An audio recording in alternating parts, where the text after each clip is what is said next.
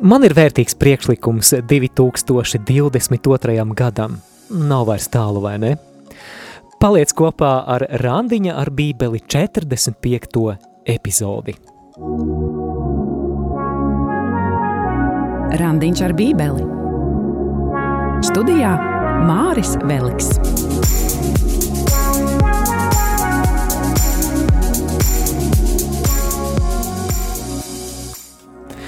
Esiet sveicināti randiņā ar bībeli draugi!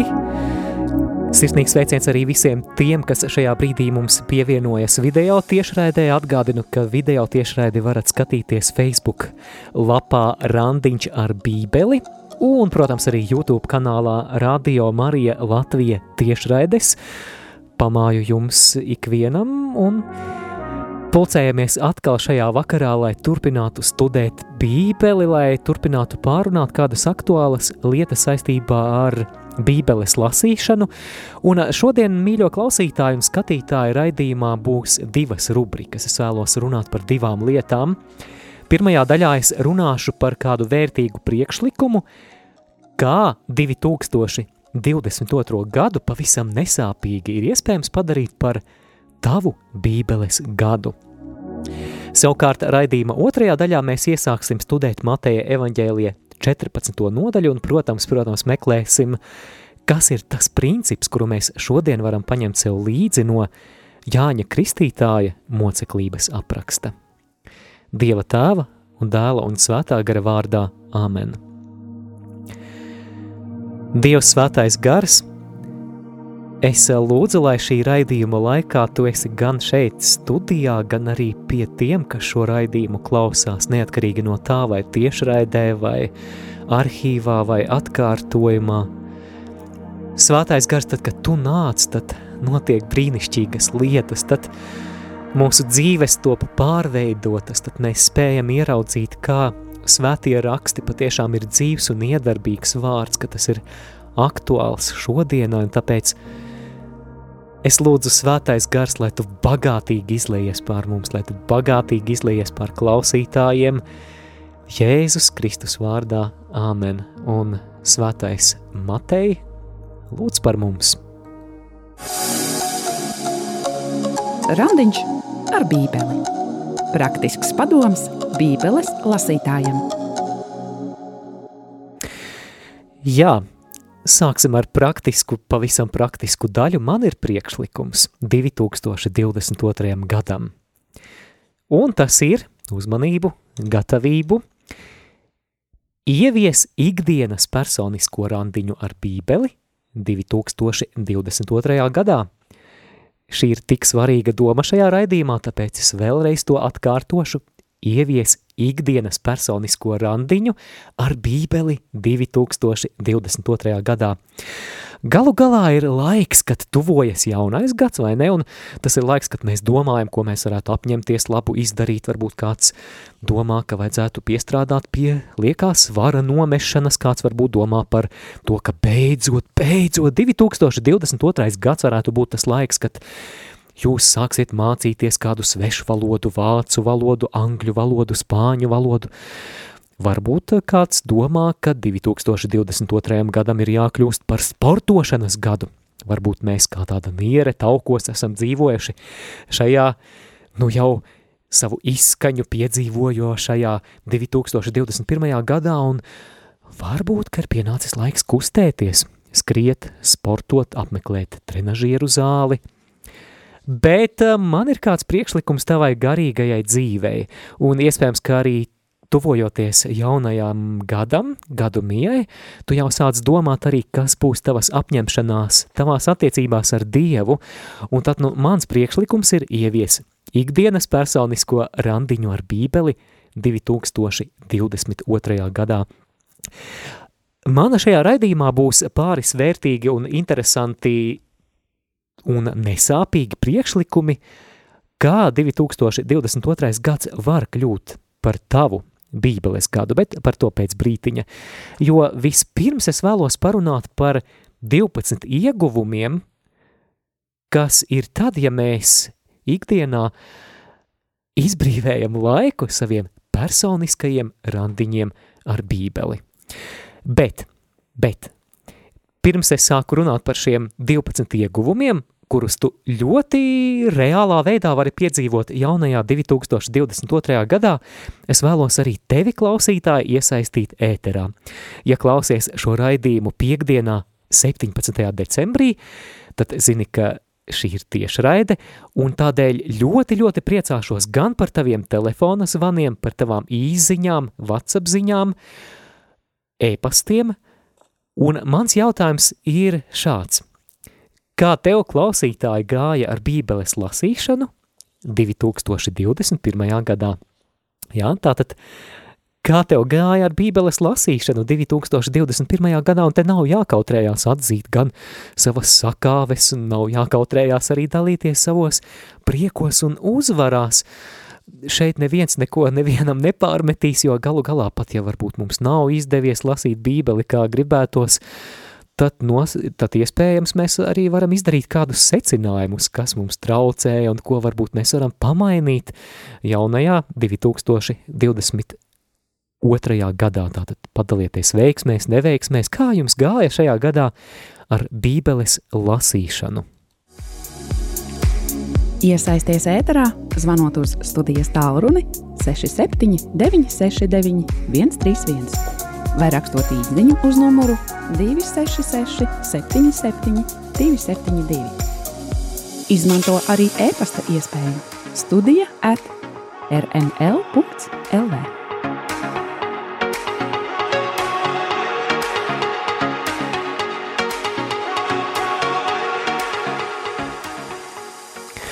Bet nu tagad gan klausītāji un skatītāji parunāsim par 12 ieguvumiem, ko mēs varam piedzīvot, ja mēs ikdienā ieviešam savu personisko randiņu ar bībeli. Un pirmais ir, lasot bībeli ikdienā, tavas attiecības ar Dievu pieaugs.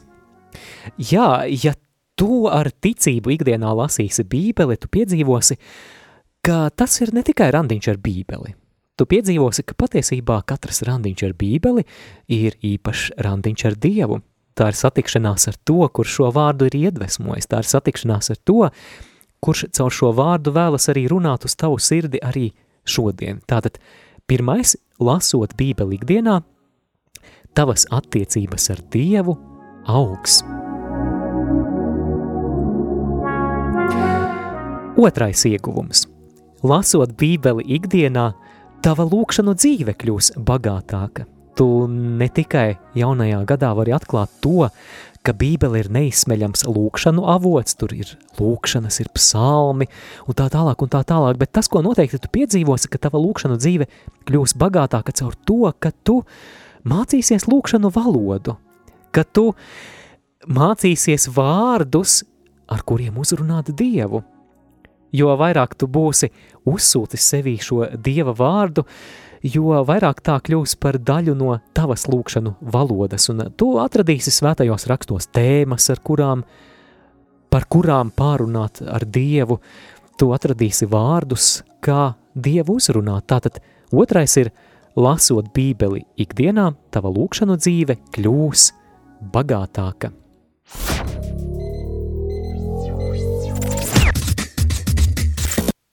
Nu, lūk, tāds pamodinošais signāls, ja nu gadījumā kāds jau paspēja aizsnausties, bet trešais ieguvums ir lasot bībeli ikdienā, tava dvēsele saņems vērtīgu garīgo barību, tava dvēsele paēdīs, tā būs pabarota.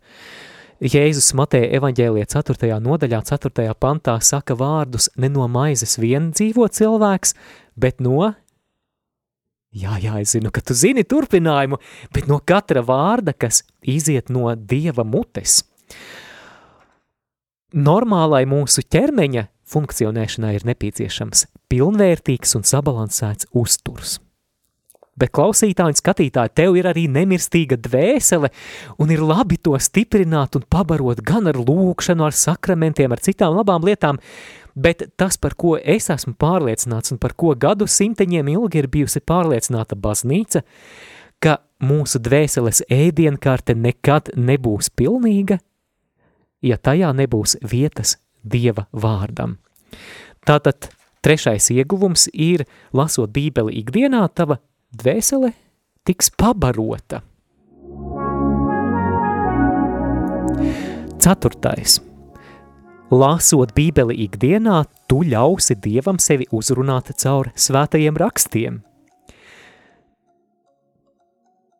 Svēto rakstu lasīšana ir viens no galvenajiem svarīgākajiem veidiem, kādā Dievs var mūs uzrunāt. Protams, ir arī citi veidi. Dievs runā caur apstākļiem, caur citiem cilvēkiem, caur šo radīto pasauli, bet īpaši privileģēts un tiešs veids ir svēto rakstu vārdi un lapuses.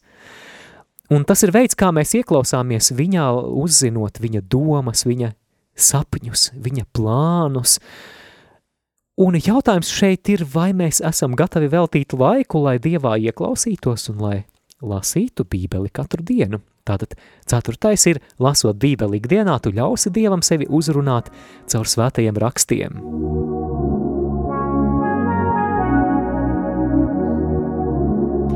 Piektais. Lasot bībeli ikdienā, no bībeles nezinātāja, tu kļūsi par bībeles pazinēju. Mani vērojumi ir, un to es jau vairāk kārt arī iepriekšējās randiņa ar bībeli epizodēs esmu uzsvēris, ka katoļi ļoti vāji pazi, pārzina bībeli. Protams, ne visi, protams, ka ne visi, bet ja tu šaubies klausītāji vai skatītāji neliels tests, par ko ir pravieša Hagaja vai citā tulkojumā pravieša Agaja grāmata? Hm? Nu, re? Vai ne? Vai ar ko ir ievērojama Estere, šis ir vieglāk, vieglāks, vienkāršāks jautājums, ar ko ievērojama ir Estere vecajā derībā. Jā, es, es zinu, ka dažiem no jums ir jau savā sirdī, savā prātā pareizas atbildes. Ir kādi klausītāji, kas zina par esteri, bet es jūtu, ka daudzi klausītāji neatcerās, par, ar ko estere ir ievērojama. Jā, tātad viens no randiņa ar bībeli misijas aspektiem ir veicināt bībeles lasīšanas kultūru Latvijas baznīcā, un es ceru, ka es kādu varu mazu, mazu ieguldījumu tajā sniegt, un jo vairāk mēs bībeli lasīsim, jo mazāks būs bībeles analfabētisms ticīgo vidū, kas, manuprāt, šobrīd ir problēma. Ja? Tātad piektais iegūms ir lasot bībeli ikdienā, no bībeles nezinātāja, tu kļūsi par bībeles pazinēju.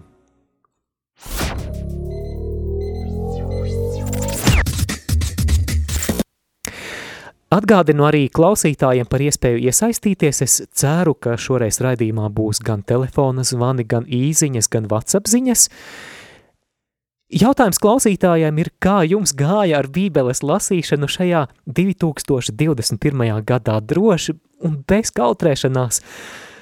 Jo šeit neviens, neviens netiks kaunināts, droši varat padalīties gan savās neveiksmēs, gan savās uzvarās, rakstiet īziņas un WhatsApp ziņas uz numuru 266 77 272. Ja, piemēram, varbūt negāja, kā vēlētos, varat arī uzrakstīt, kāpēc jums šķiet, kas traucēja, vai arī ko jūs ieguvāt, ja izdevās bībeli diezgan regulāri katru dienu vai gandrīz katru dienu šajā gadā lasīt.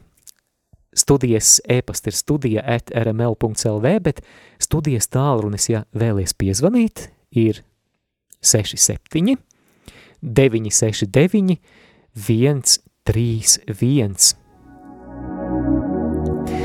Bet turpinām ar sasto ieguvumu no regulāras bībeles lasīšanas – Lai arī nevienmēr bībeli lasīt ikdienā būs viegli, tas būs arī aizraujoši. Jā, ja lasīsi bībeli ar atvērtu sirdi, tad Dievs tev parādīs to, ko līdz šim iespējams nebija bībeles lapusēs atklājis, un kļūst interesanti, ka ievēro, ka, piemēram, bībele sāk skaidrot bībeli. Ko tas nozīmē?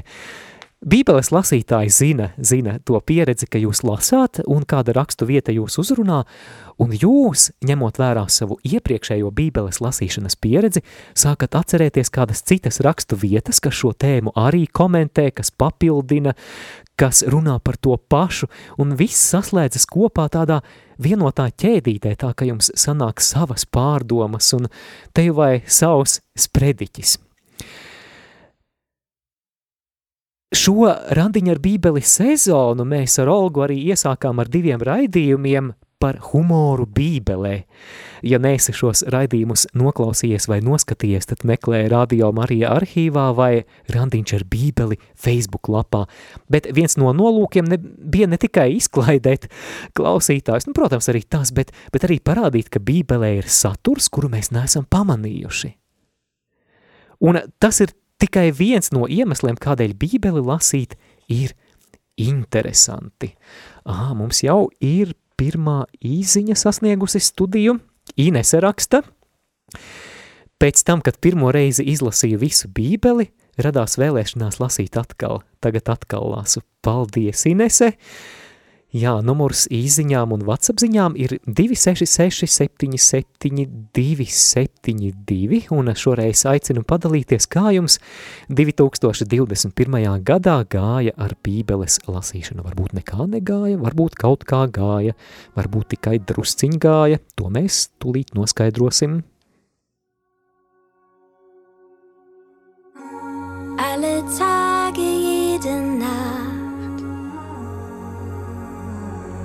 Singen wir zu deiner Ehre. Lobpreis werde dir gebracht,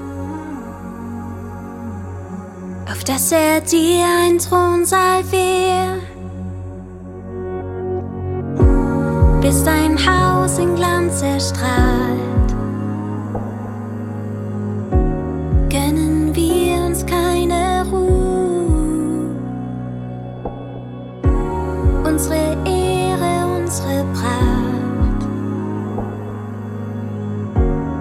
Unsere Herrlichkeit bist du.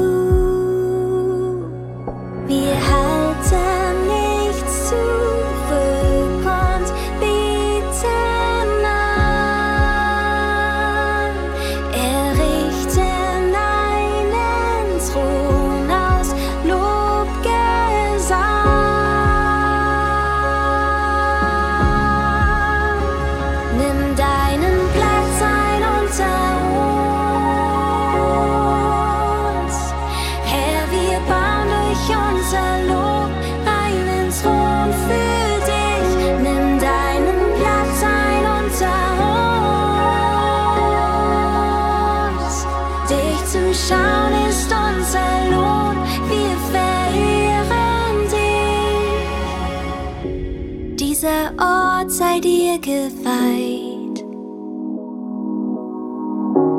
Ein Altar zu deinem Ruhm.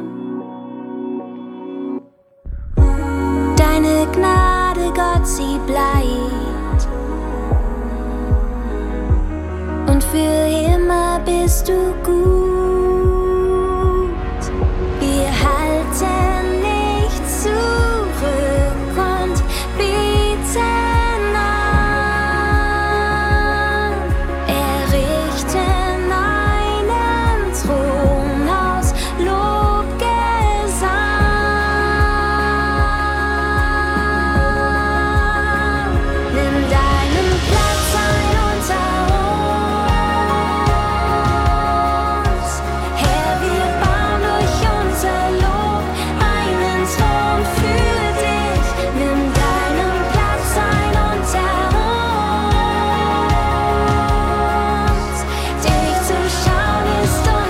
Savu skanējumu turpina raidījums Randiņš ar bībeli. Šajā raidījuma pirmajā rubrikā mēs runājam par apņemšanos 2022. gadu padarīt par savu bībeles lasīšanas gadu, bet par to, kā ir mums gājis šajā 2021. gadā, aicinu arī klausītājus padalīties zvanot uz studijas numuru 67969 131 vai arī rakstot WhatsApp ziņas vai īziņas uz numuru 266 77 272.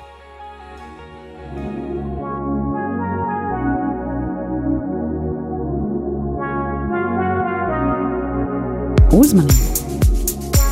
Raidījums vedot klausītāju pa Bībeles dzīļu aizraujošajiem līkločiem, kur iespējams vēl nekad nav būts. Var izraisīt nopietnu atkarību no privāta randiņa ar svētajiem rakstiem ikdienā. Jā, tā ir tā labā atkarība un cerams, cerams, cerams, ka arvien vairāk cilvēku kļūst atkarīgi no privātiem randiņiem ar bībeli. Bet nākamais, proti, septītais ieguvums no regulāras bībeles lasīšanas ir, lasot bībeli, ikdienā tu saņemsi jaunas atklāsmes no Dieva vārda. Mēs jau raidījumā arī ar Olgu esam šeit vairākās epizodēs runājuši par Dieva valstības noslēpumiem, kurus Jēzus atklāja saviem mācekļiem. Un, lai arī tie ir noslēpumi, mēs arī runājām, ka tie paliek apslēpti tikai tiem, kuri nemaz netiecas tos izdibināt. Jo Jēzus aicina ikvienu kļūt par viņa draugu, par viņa mācekli, par viņa sekotāju, un šajā pietuvināto pulkā viņš vēlas atklāt debesu valstības likumsakarības jeb noslēpumus. Un mēģinot lasīt bībeli jaunajā 2022. gadā, tu noteikti saņemsi kādas jaunas atziņas par dieva lietām. Es to garantēju. Bet ir svarīgi pašam šīs atklāsmes, šīs atziņas saņemt, jo randiņā ar bībeli, piemēram, es cenšos dalīties tajā, ko es esmu atklājis, ko es esmu no Dieva saņēmis viņa vārdā. Bet vēl svarīgāk ir mācīties arī pašiem nākt pie Dieva vārda, pie bībeles kā pie akas, un ir jāiemācās smelt pašiem. Smelt tās atziņas, atklāsmes, debesu valstības, noslēpumus, uh, Tāpēc es arī vairāk kārt esmu raidījumā uzsvēris to, ka gluži kā uztura bagātinātājs neaizstāja pilnvērtīgu un sabalansētu uzturu, tā randiņš ar bībeli neaizstāja tavus personiskos randiņus ar bībeli. Astotais. Lasot bībeli ikdienā, tu ļausi Dievam veidot prizmu, caur kuru tu skaties uz pasauli. Kā to saprast? Skan diezgan sarežģīti, bet es centīšos izskaidrot. Jo vairāk tu būsi kā švamme uzsūci sevī Dieva vārdu, jo vairāk šis vārds būs tavās domās, tavās ilgās, tavās vēlmēs, tavās vērtībās, un tas kļūs par mērauklu ikdienas izvērtēšanai. Un tu taču vēlies visu redzēt Dieva perspektīvā, vai ne?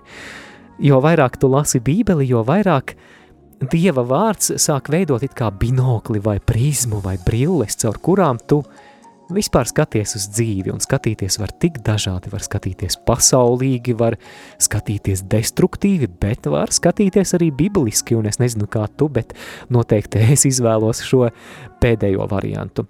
Tātad eh, septītais, ne, astotais bija lasot bībeli ikdienā, tu ļausi Dievam veidot prizmu, caur kuru tu skaties uz pasauli.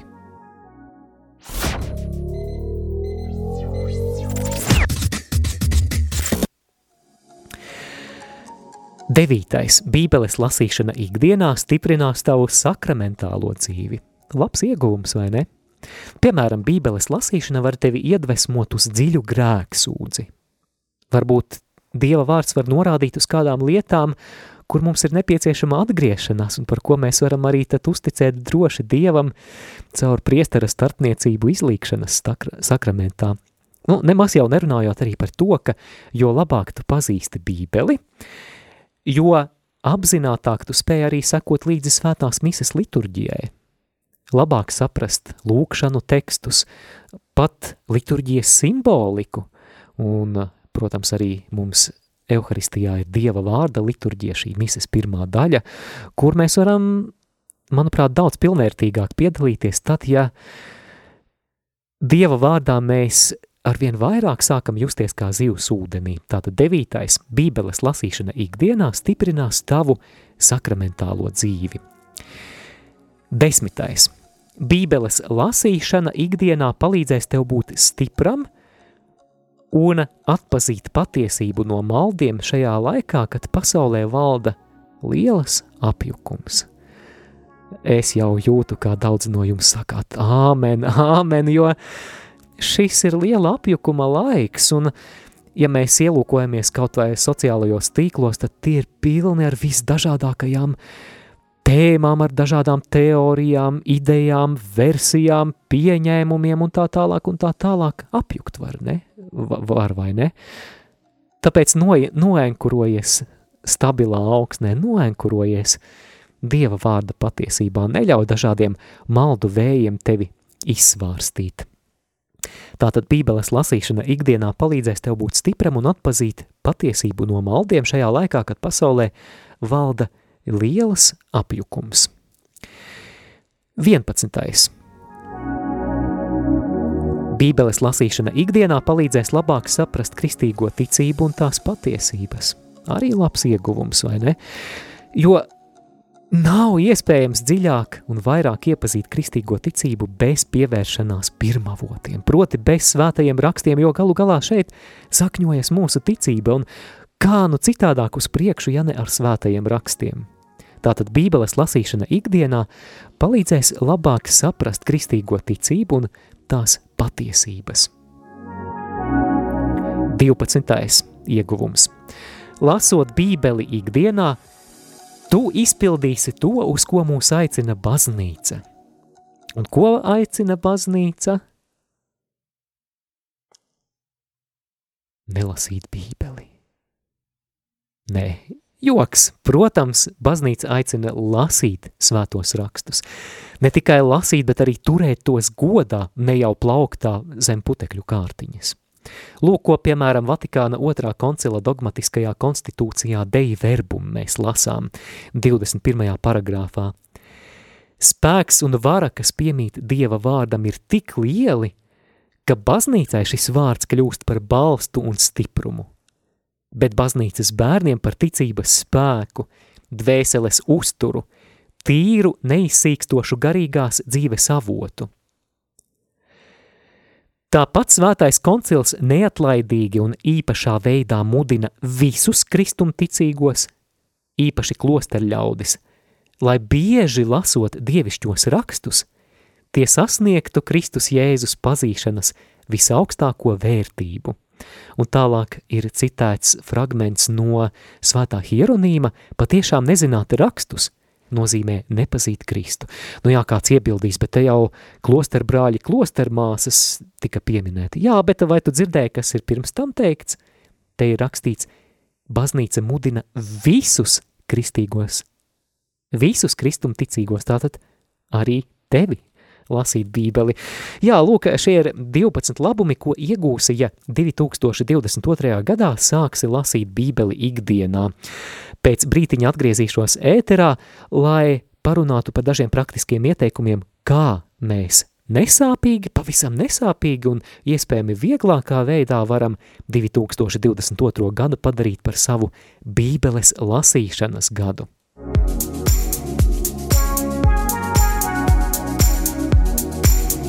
Skan Randiņš ar Bībeli.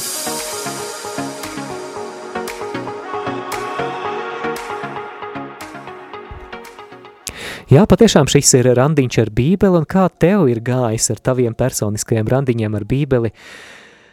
2021. gadā, kurš jau steidzīgi pako savas mantas, lai dotu vietu nākamajam 2022. gadam, kā tev ir gājis, vai ir veicies, varbūt nevisai veicies, droši un bez kautrēšanās mēs varam padalīties, un varbūt padalies, kāpēc nav veicies, vai ko esi ieguvis, ja tev ir izdevies saglabāt tādu regulāru bībeles lasīšanas ritmu. Numurs īziņām un WhatsApp ziņām ir 266 77 272, bet ja vēlies studiju sazvanīt, numurs ir 67 969 131. Mums kāda WhatsApp ziņa arī ir pienākusi, lai slavēts Jēzus Kristus. Mana bībeles lasīšana ir kā pa kalniem. Tad lasu mieram tuvu dažas dienas. Pārtraucu, jo nav laika – regulāri sanāk izlasīt tikai un klausīties svētdienas lasījumus, un tiem jāpieskaņo repertuārs, esmu ērģelniece. Tie, un tagad kopš septembra arī randiņš ar bībeli, ir mani regulārie bībeles lasījumi. Jaunajā gadā lasīt ik dienas ir labs izaicinājums un ieteikums. Paldies par pamatojumiem, ko šāda lasīšana dos. Paldies par šo ziņu un gaidīsim arī no citiem klausītājiem, tātad īziņas un WhatsApp ziņas droši sūtiet uz numuru 266 77 272. Biruta raksta, ar bībeles lasīšanu veicas diezgan labi, ar maziem starplaikiem lasīju katru dienu. Izdevās pabeigt veco derību, turpinu to darīt tālāk. Tas jau šķiet aizraujoši, raksta Biruta. Paldies, Biruta!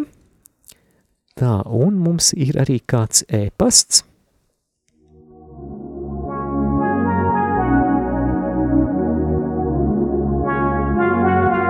Jā, arī ja tu skaties šo raidījumu Facebook lapā Randiņš ar bībeli, tad droši savos komentāros arī uzraksti, kā tev gāja ar bībeles lasīšanu šajā gadā un vai tu vēlētos pamēģināt arī jaunajā 2022. gadā. Mums Olga ir uzrakstījusi īziņu slavēts Jēzus Kristus. Gribēju šogad izlasīt visas bībeles grāmatas, bet diemžēl nebija sanācis. Daudz laika pavadīju dažās grāmatās, īpaši psalmos, par ko īsti neesmu nožēlojusi.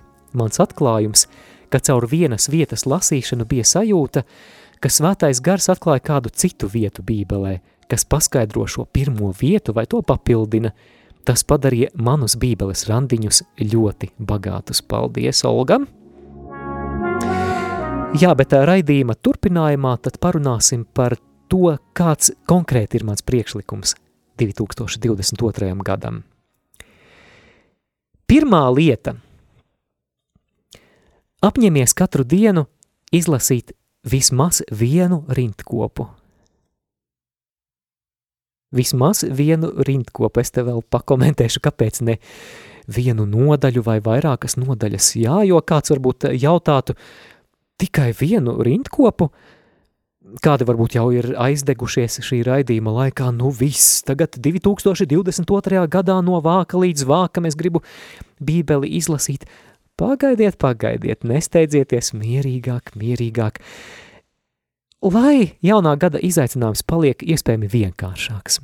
Izlasīt vienu rindkopu dienā bet to darīt regulāri, darīt to katru dienu, sava personiskā randiņā ar bībeli ietvaros, lai tas ir tas dienas minimums. Un, protams, ja, vēlēs, ja vēlēsieties lasīt vairāk, dariet to, bet, kas attiecas uz apņemšanos, lai ir vismaz viena rindkopa, mazs fragmentiņš, bet nesteidzīgi, lūdzoties ar šo vārdu, pārdomājot šo vārdu, jo es zinu, jā, varbūt es pirms gada tā pārdrošāk aicināju klausītājus lasīt bībeli, un iespējams daudzi sāka, bet padevās, varbūt kādi uzņēmās par daudz, un jūs sapratāt, ka nu nevar pavilkt, ir aizņemtība, un jā, varbūt arī reizēm slinkums, jā, jā, es zinu, tā, tā var būt. Bet eh, tāpēc būtu labāk apņemties lasīt tādu apjomu, ko jūs varat pavilkt un kas ir pa spēkam. Jā, varbūt te jau mums pieminēja arī brīnišķīgo izdevumu mieram tuvu, mēs varam arī to abonēt, un varbūt tie varētu būt svēto rakstu lasījumi katrai dienai mieram tuvu grāmatiņā, bet lasot nesteidzīgi, pārdomājot. Otrā lieta – lūdzies ar tevis izvēlēto svēto rakstu fragmentu – Lūdzies ar tevis izvēlēto svēto rakstu fragmentu. Tātad mēs ne tikai lasām šo rakstu vietu, bet mēs pārvēršam to lūkšanā. Jo jebkurā, jebkurā rakstu vietā ir tēmas, par kurām mēs varam parunāt ar Dievu. Tu lasi kādu rakstu vietu un pamēģini ieraudzīt, kā tas attiecās uz tavu dzīvi, kas tev šķiet aktuāli, un runā par to ar Dievu, piemēram, Mateja 5.16 lai jūsu gaisma spīti cilvēku priekšā, tā ka tie redz jūsu labos darbus un godā jūsu tēvu, kas ir debesīs. Šo mēs varam pārvērst lūkšanā, atgriezt atpakaļ Dievam, sakot, piemēram, Jā, kungs, tu mani aicini kļūt par pasaules gaismu, un es gribu, es vēlos, kungs, palīdzi man atstarot tavu spožumu.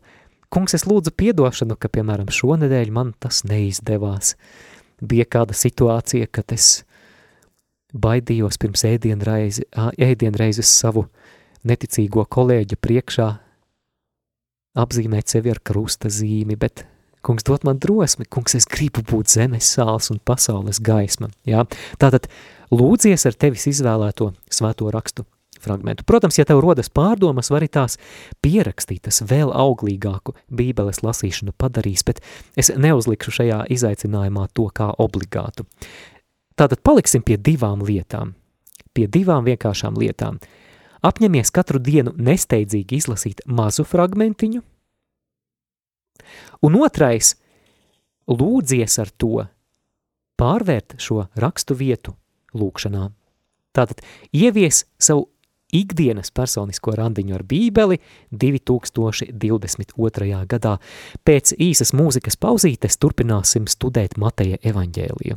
Wir beten an, wir sind bereit, füll dein Haus mit Ehrlichkeit. Wir beten an, wir sind bereit, füll dein Haus mit Ehrlichkeit. Wir beten an, wir sind bereit, füll dein Haus mit Ehrlichkeit. Wir beten an, wir sind bereit,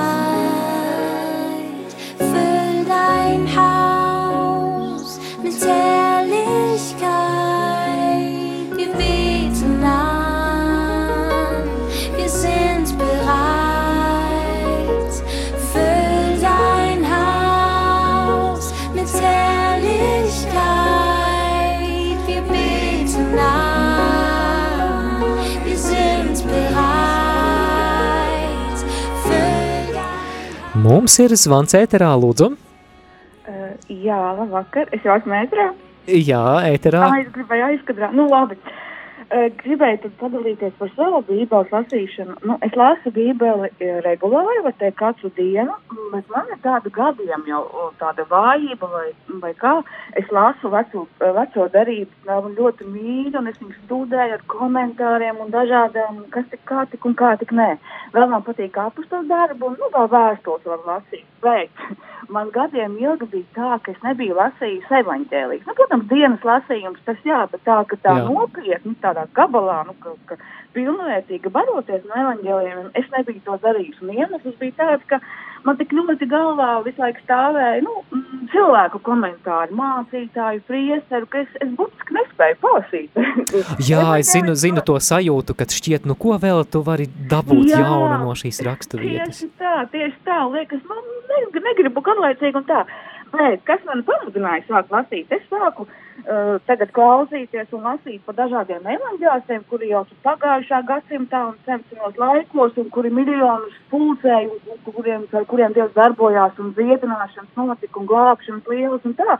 Un tas viss, uh, ja koncentrēt, nu, sakot, mm, tādu rezumēju uzstājas, tad tas viss, ko viņi saka, galvenais ir tas, ko viņi saka, ka, ka, ka viņi lasa Bībeli. Un, un tur viņi tiekās ar Jēzu, tur viņi tiekās un, un dabūja šīs personīgās attiecības tuvās, kuras pēc tam arī nu, izpaužās uz ārā un palīdz citiem cilvēkiem. Un tas man iedvesmoja lasīt, uh, iedvesmoja lasīt, jā, jauno derību, tas ir uh, evaņģēlijus. Jo, nu, lasot veco derību, tā kā man šķiet, es paza, biju pazaudējis tādu pašu galveno īstenībā, kamdēļ visa vecā derība arī ir, tas ir kā pazaudējis attiecības ar Jēzu, pazaudējis Jēzu, jā. Un, un, un kā, jā, es esmu priecīgi, es sāku lasīt atkal evaņģēliju, un ceru, ka tas darbosies manā dzīvē, un mans attiecības pēc cilvēks ar Dievu. Paldies. Iespaidīgi. Linda sazvanīja Jā. studiju, vai ne? Jā, Jā, prieks tevi dzirdēt. Paldies, ka padalies. Ļoti Jā. iespaidīgi. Lai Jā, paldies. brīnišķīgs adventa turpinājums tev. Paldies tev. Paldies tev arī un klausītājiem arī. Atā. Atā.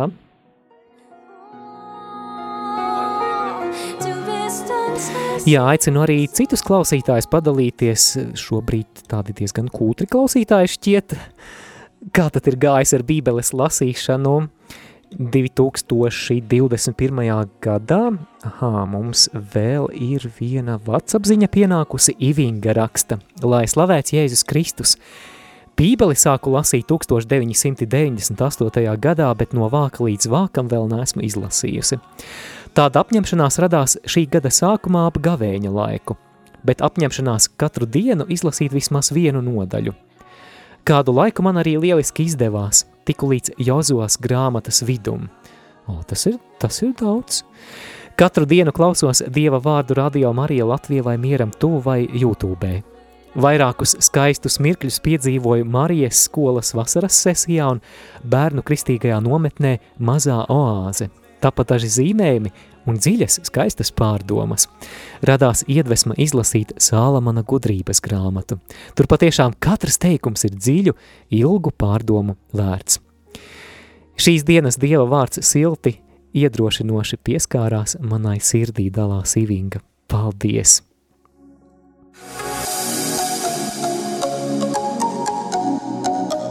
Skan randiņš ar bībeli. Bet nu tagad gan mudīgi sākam studēt Mateja evaņģēlija 14. nodaļu, jauna nodaļa un lasīsim no 1. līdz 12. pantam, un tas būs stāsts par Jāņa Kristītāja nāvi. Pantu pēc pantēs arī pakomentēšu, un noslēgumā tad šajā stāstā, protams, arī lūkosim iero, ieraudzīt, kādu atziņu savai dzīvē mēs šajā vārdā varam iegūt. Lasām pirmo un otro pantu. Tanī laikā zemes ceturtās daļas valdnieks Herods dzirdēja par Jēzu un sacīja saviem kalpiem, šis ir Jānis Kristītājs. Viņš ir augšām cēlies no mirušajiem, tālab viņam tādi brīnumaini spēki. Herods ir mazliet satraukts, bet vispirms kliedēsim kādu iespējamu pārpratumu. Šis nav ķē, ķēniņš Herods lielais, par kuru mēs lasījām Mateja evaņģēlija sākumā. Nu tas, kura laikā Jēzus piedzima, kurš pavēlēja nogalināt nevainīgos bērniņus Betleme un tās apkārtnē. Herods šajā stāstā ir viens no Heroda lielā dēliem. Pēc Heroda lielā nāves, Heroda lielā teritorija tika sadalīta četrās daļās, un katrai no tām bija savs valdītājs jeb pārvaldnieks. Visi tie bija arī pakļauti Romas impērijas varai, viņi nebija gluži autonomi. Tāpēc šī stāsta pēdiņās varoni Herodu Antipu dēvē par tetrarhu, proti par zemes ceturtās daļas valdnieku. Un Heroda Antipas pārvaldījumā no 4. gada pēc Kristus līdz 39. gadam pēc Kristus bija viss Galilejas novads. Protams, ka Jēzus bija no Galilejas novada, tur viņš arī kalpoja, un tāpēc nav brīnums, ka vēstis par Jēzus brīnumiem sasniedz arī Heroda Antipas ausis. Tev nešķiet mazliet jocīgas šīs tetrarha Heroda aizdomas par to, ka vai tik šis nav Jānis Kristītājs, kurš ir augšām cēlies no miroņiem. Vai esi dzirdējis par slepkavām, kurus it kā vajā viņu upura rēks? Upuris rādās murgos, nepamet domas, nomodā. Jā, iespējams, Herodu Antipu vajā domas par Jāni Kristītāju, jo tūlīt mēs lasīsim, ka viņš bija tas, kurš pavēlēja Jāni Kristītāju nogalināt. Jo Herods bija Jānis saņēmis, viņu sasaistījis un ielicis cietumā Herodijas viņa brāļa Filipa sievas dēļ, jo Jānis viņam sacīja, tas tev nepieklājas, ka viņa ir pie tevis. Vēl mazliet tikai piebildīšu to, ka doma, ka Jānis Kristītājs ir piecēlies no miroņiem, šeit drīzāk ir Hero, Heroda māņticība, nevis teoloģiski pamatota ticība uz miesas augšām celšanos, kāda tā ir piemēram farizējiem. Bet nu pat mēs dzirdējām arī, ka Herods Jāni apcietina un ieliek cietumā, un iemesls, ka Jānis pārmet Herodam, ka viņš ir aprecējis sava brāļa sievu, tātad ir laulības pārkāpējs. Un Herods patiešām bija aprecējis sava brāļa Heroda Filipa sievu. Pirms tam abi bija šķīrušies no savām laulātajām pusēm, un tādējādi šis Herods Antipa un Herodija pārkāpa Mūzes likuma noteikumus par laulībām, piemēram, Levītu grāmatas 18.16, aizliedza ņemt sev sava brāļa sievu. Un visdrīzāk šī iemesla dēļ arī konservatīvie jūdi Galilējas novadā noteikti bija negatīvi noskaņoti pret abu kopdzīvi. Tomēr ciest par šādu viedokli nākas tieši Jānim Kristītājam. Kāpēc? Jo Jānis Kristītājs to nebaidās pateikt skaļi. Vai kā Hērodam tas nepatīk? Un viņš to gribēja nokaut, tik baidījās no ļaudiem, jo tie viņu turēja par pravieti. Protams, vienkāršākais risinājums, kā tikt vaļā no pravieša, kurš sludina ļoti nepatīkamu patiesību, būtu viņu novākt. Bet Heroda prāt tas nemaz nebija tik vienkārši. Cilvēki, kā mēs lasījām, Jāni augstu vērtēja kā pravieti, un tas nozīmētu iespējamu sacelšanos, tas nozīmētu nemierus Heroda Antipas pārvaldītajā teritorijā. Vai Herods Antipa būtu ieinteresēts šādā scenārijā? Noteikti nē. Atcerēsimies, ka viņš bija pakļauts Romas imperatoram, un ja notiktu šāda sacelšanās Jāņa Kristītāja nāves dēļ, tad imperators viņam droši varētu iebakstīt ar pirkstu un teikt, Ā, tu netiec galā ar saviem pienākumiem, tu nespēji uzturēt kārtību tevis pārvaldītajā teritorijā. Līdzīgi arī par Jēzu Mateja evaņģēlija 24. nodaļā, 46. pantā mēs lasām, ka Jēzus popularitāte tautā kavēja viņa sagūstīšanu. Mēs lasām, ka virspriesteri un farizeji gribēja viņu sagūstīt, bet baidījās no ļaudīm, jo tie turēja viņu par pravieti. Interesanti, ka Marka evaņģēlijā, kas ir īsākais evaņģēlijs no visiem četriem evaņģēlijiem, Jāņa kristītāja moceklības stāsts ir aprakstīts daudz izvērstāk. Un tur ir vēl viena interesanta detaļa. Marks raksta, ka Herodam patika Jānī klausīties. Matejs to nepiemin, bet jā, iespējams šī iemesla dēļ pēc Jāņa apcietināšanas arī viņa kā pravieša autoritāte pieauga arī paša Heroda acīs, un viņš vairs nav tik apņēmīgs Jāni nogalināt. Bet traģisks pavērsiens notiek Heroda dzimšanas dienā, par kuru mēs lasām no 6. līdz 7. pantam un arī tad turpinājumā. Kad Herodam bija dzimšanas dienas svinības, Herodijas meita dejoja viņu vidū, un Herodam tas patika – tāpēc ar zvērestu viņš apsolīja viņai dot visu, ko tā lūkšot. Herod, ko tu dari? Eh, ko tik dzērumā nesarunāsi, vai ne? Heroda zvērests meitenei dot visu, ko tā lūks. Ārprāts, tas ir tik pārgalvīgi. Šķiet, ka Herods to sakot bija savas smadzenes kaut kur miskastē izmetis vai atslēdzis savu racionālo domāšanu. Mēs varam tikai minēt, kas bija par iemeslu, vai tas bija dzīrus, kurbums vai varbūt arī iekāre, ko izraisīja jutekliska deja. Piemēram, jūda vēsturnieks Jozefs Flāvijs par Herodu Antipu raksta, ka viņš bija baigais ballētājs. Bet ko tad lūks meitene? Bet viņa savus mātes pamācīta sacīja, Dod, man šeit bļodā Jāņa kristītāja galvu. Eh, uz šādu atbildi Herods Antipa nu dien nebija gatavs. Protams, kā arī meitenes mātei Herodijai, kura šo padomu dot Jānis Kristītājs, ir nīstams. Viņš galu galā pārmet abiem neatļautas attiecības, bet ko atbildēs Herods Antipa? Tad ķēniņš noskuma, bet zvērsta un viesu dēļ, kas līdz ar viņu pie galda sēdēja, viņš pavēlēja to dot un sūtīja karaļa kalps Jānim nocirst cietumā galvu. Un atneza viņu galvu bļodā un deva meitenei, un tā to nesa savai mātei. Dzirdējām, ka ķēniņš noskuma par lūgumu dot bļodā Jāņa kristītāja galvu. Mēs jau runājām par iemesliem, kāpēc Herods tomēr nebija ar mieru par Jāņa kristītāja nāvi. Bet tomēr kāpēc viņš piekrīt? Kas par lietu? Mēs lasījām, ka zvēresta un viesu dēļ – Ak, šīs nelaimīgās bailes no cilvēku viedokļiem. Pazīsti kaut ko tādu sevī? Es pazīstu. Jā, Herods baidās par savu reputāciju, gluži kā mēs bieži vien baidāmies par to, ko cilvēki par mums padomās, un Herodam šajā gadījumā ir bail, ka viesi viņu ieraudzīs kā svārstīgu, kā tādu, kas netur solījumus, tad nu viņš norī savas izjūtas un dod pavēli Jāni nogalināt. Ak, šīs bailes cilvēku priekšā – Baiļu cilvēku priekšā dēļ Pēteris noliec Jēzu trīs reizes. Baiļu cilvēku priekšā dēļ Saulas vecajā derībā, proti ķēniņš Saulas, pienes neatļaut upuri, jo domā, ko tauta padomās. 12. pantā mēs lasām par Jāņa kristītāja mācekļiem, kuri apglabā Jāņa miesas un par to paziņo Jēzum. Jāatgādina, ka Jānim kristītājiem bija vesela mācekļu kopiena, Mēs vairāk kā evaņģēlijos lasām par Jēzus mācekļiem, un šī Jāņa kristītāja kopiena esot pastāvējusi vēl labu laiku pēc Jāņa kristītāja nāves. Un, un, un, un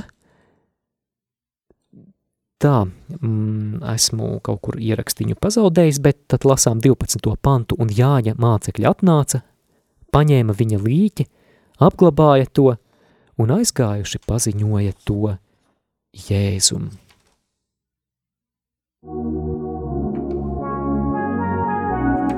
Kā dzirdētais attiecas uz manu dzīvi?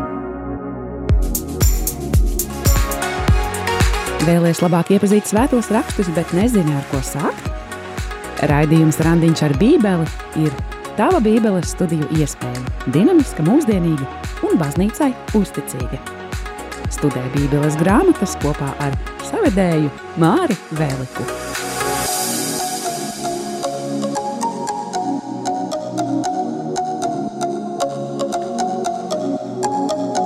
Kā dzir, dzirdētais vārds nozīmē, at, kā tas attiecas uz mūsu dzīvi. Un es vēlos vienu praktisku domu šeit izcelt no šī vārda. Tas, protams, nav vienīgais, tas nav galvenais vēstījums, jo katrs lasot bībeli mēs varam arī atrast eh, kādu domu, kas, vai kādu rakursu, kādu aspektu, kas tieši mums šķiet svarīgi. Bet es šajā vakarā vēlos tev piedāvāt šādu domu. Nesoli neapdomīgi. nesoli, neapdomīgi. Herods ir izteicis ļoti pārgalvīgu solījumu. Viņš došot meitenei visu, ko viņa lūgs. Vai tad tiešām viņš neiedomājās, ka visu patiešām nozīmē visu? Tas nozīmē, ka, piemēram, meitene varētu lūgt izdarīt pašnāvību vai atdot man visu savu politisko varu? Tikai pēc tam, kā mēs redzam, kad izskanējis nežēlīgais lūgums dot Jāņa Kristītāja galvu, Herods it kā atjēdzas un saprot, ka nu ir sprukās. Protams, mēs varam kritizēt Herodu Antipu, bet atzīsim, ka arī mums gadās sasolīt to, ko ir vēlāk grūti izpildīt. Citiem vārdiem sakot, gadās apsolīt neapdomīgi, nemaz neizvērtējot mūsu iespējas. Vismaz man tā ir vairāk kārt gadījies pazemīgi atzīstos. Un, un ne jau aiz ļaunas sirds, tieši pretēji reizē mēs it kā gribam labu darīt, mēs gribam kādam palīdzēt, kāds lūdz palīdzību, tikai vēlāk atjēdzamies, ka tas pilnīgi pārsniec mūsu spēkus un iespējas, tam vienkārši nav ne laika, nec fiziskās, nec morālās enerģijas, bet apsolīts ir, vārds ir izteikts. Bet nepārdomāts vārds vec lazdā, kā mēs redzējām Heroda Antipas piemērā tātad nesoli neapdomīgi. Tāpēc sakām vārdu grāmatā 15.28 ir vārds taisnais apdomā, iekams atbild. Taisnais apdomā, iekams atbildēt. Tas ir pilnīgi normāli atbildēt vēlāk. Ja mums ir kāds piedāvājums kaut ko darīt, tad es tev vēlāk padošu ziņu par šo, vai es varu vai nevaru. Un vēl viena praktiska lieta arī saistībā ar nesoli neapdomīgi ir, ir vērts mācīties teikt nē. Ir vērts mācīties teikt nē, un baigi grūti ir teikt nē. Vai ne? Nav viegli teikt nē, bet bieži vien tas ir pats labākais, ko mēs varam pateikt. Man ir reiz uzrunāja doma, ka sakot nē, mēs patiesībā sakām jā kaut kam citam vērtīgam. Nu, piemēram, saprātīgi atsakot kādam piedāvājumam, mēs varbūt sakām jā tam, ka būs vairāk iespējas pavadīt laiku ar savu ģimeni. Vai nereti mēs sakām jā atpūtai, un atpūta tas nav kaut kāds laiskums vai slinkums vai dīgdienība. Atpūta ir ārkārtīgi nepieciešama, tāpēc Bībelē ir šis sabata atpūtas princips. Tas ir vajadzīgs, lai atgūtu spēkus, un tas ir labs iemesls, kam teikt jā, sakot nē kaut kam citam. Tātad nesoli neapdomīgi. Ar to arī izskan raidījums Randiņš ar bībeli šajā piekdienā 17. decembrī, un es vēlos vēl atgādināt arī to, ko es runāju raidījuma iesākumā. Mans piedāvājums tev 2022. gadā ir šāds – ievies ikdienas personisko randiņu ar bībeli 2022. gadā personisko randiņu ar bībeli, apņemoties izlasīt katru dienu mazu fragmentiņu. Tas nav nekas neiespējams. Es neaicinu uz bībeles izlasīšanu gada laikā, ja kādu dievs iedvesmo to darīt, lūdzu, bet labāk apņemsimies tādu mazu fragmentiņu, bet lasīt nesteidzīgi, lēnām un ar to lūgties. Dieva tēva un dēla un svētā gara vārdā Āmen. Dievs izlēja bagātīgu svētību pār klausītājiem 2022. gadā un ļauj patiešām piedzīvot šo kā bībeles lasīšanas gadu, kā gadu, kurā viņi aug dziļākās attiecībās ar tevi, savos personiskajos randiņos ar bībeli. To mēs lūdzam caur Jēzu Kristu, mūsu kungu. Āmen. Svētā Marija, Dieva māte, kas savā sirdī uzglabāja Dieva vārdu, lūdz par mums. Dieva tēva, dēla un svētā gara vārdā. Āmen.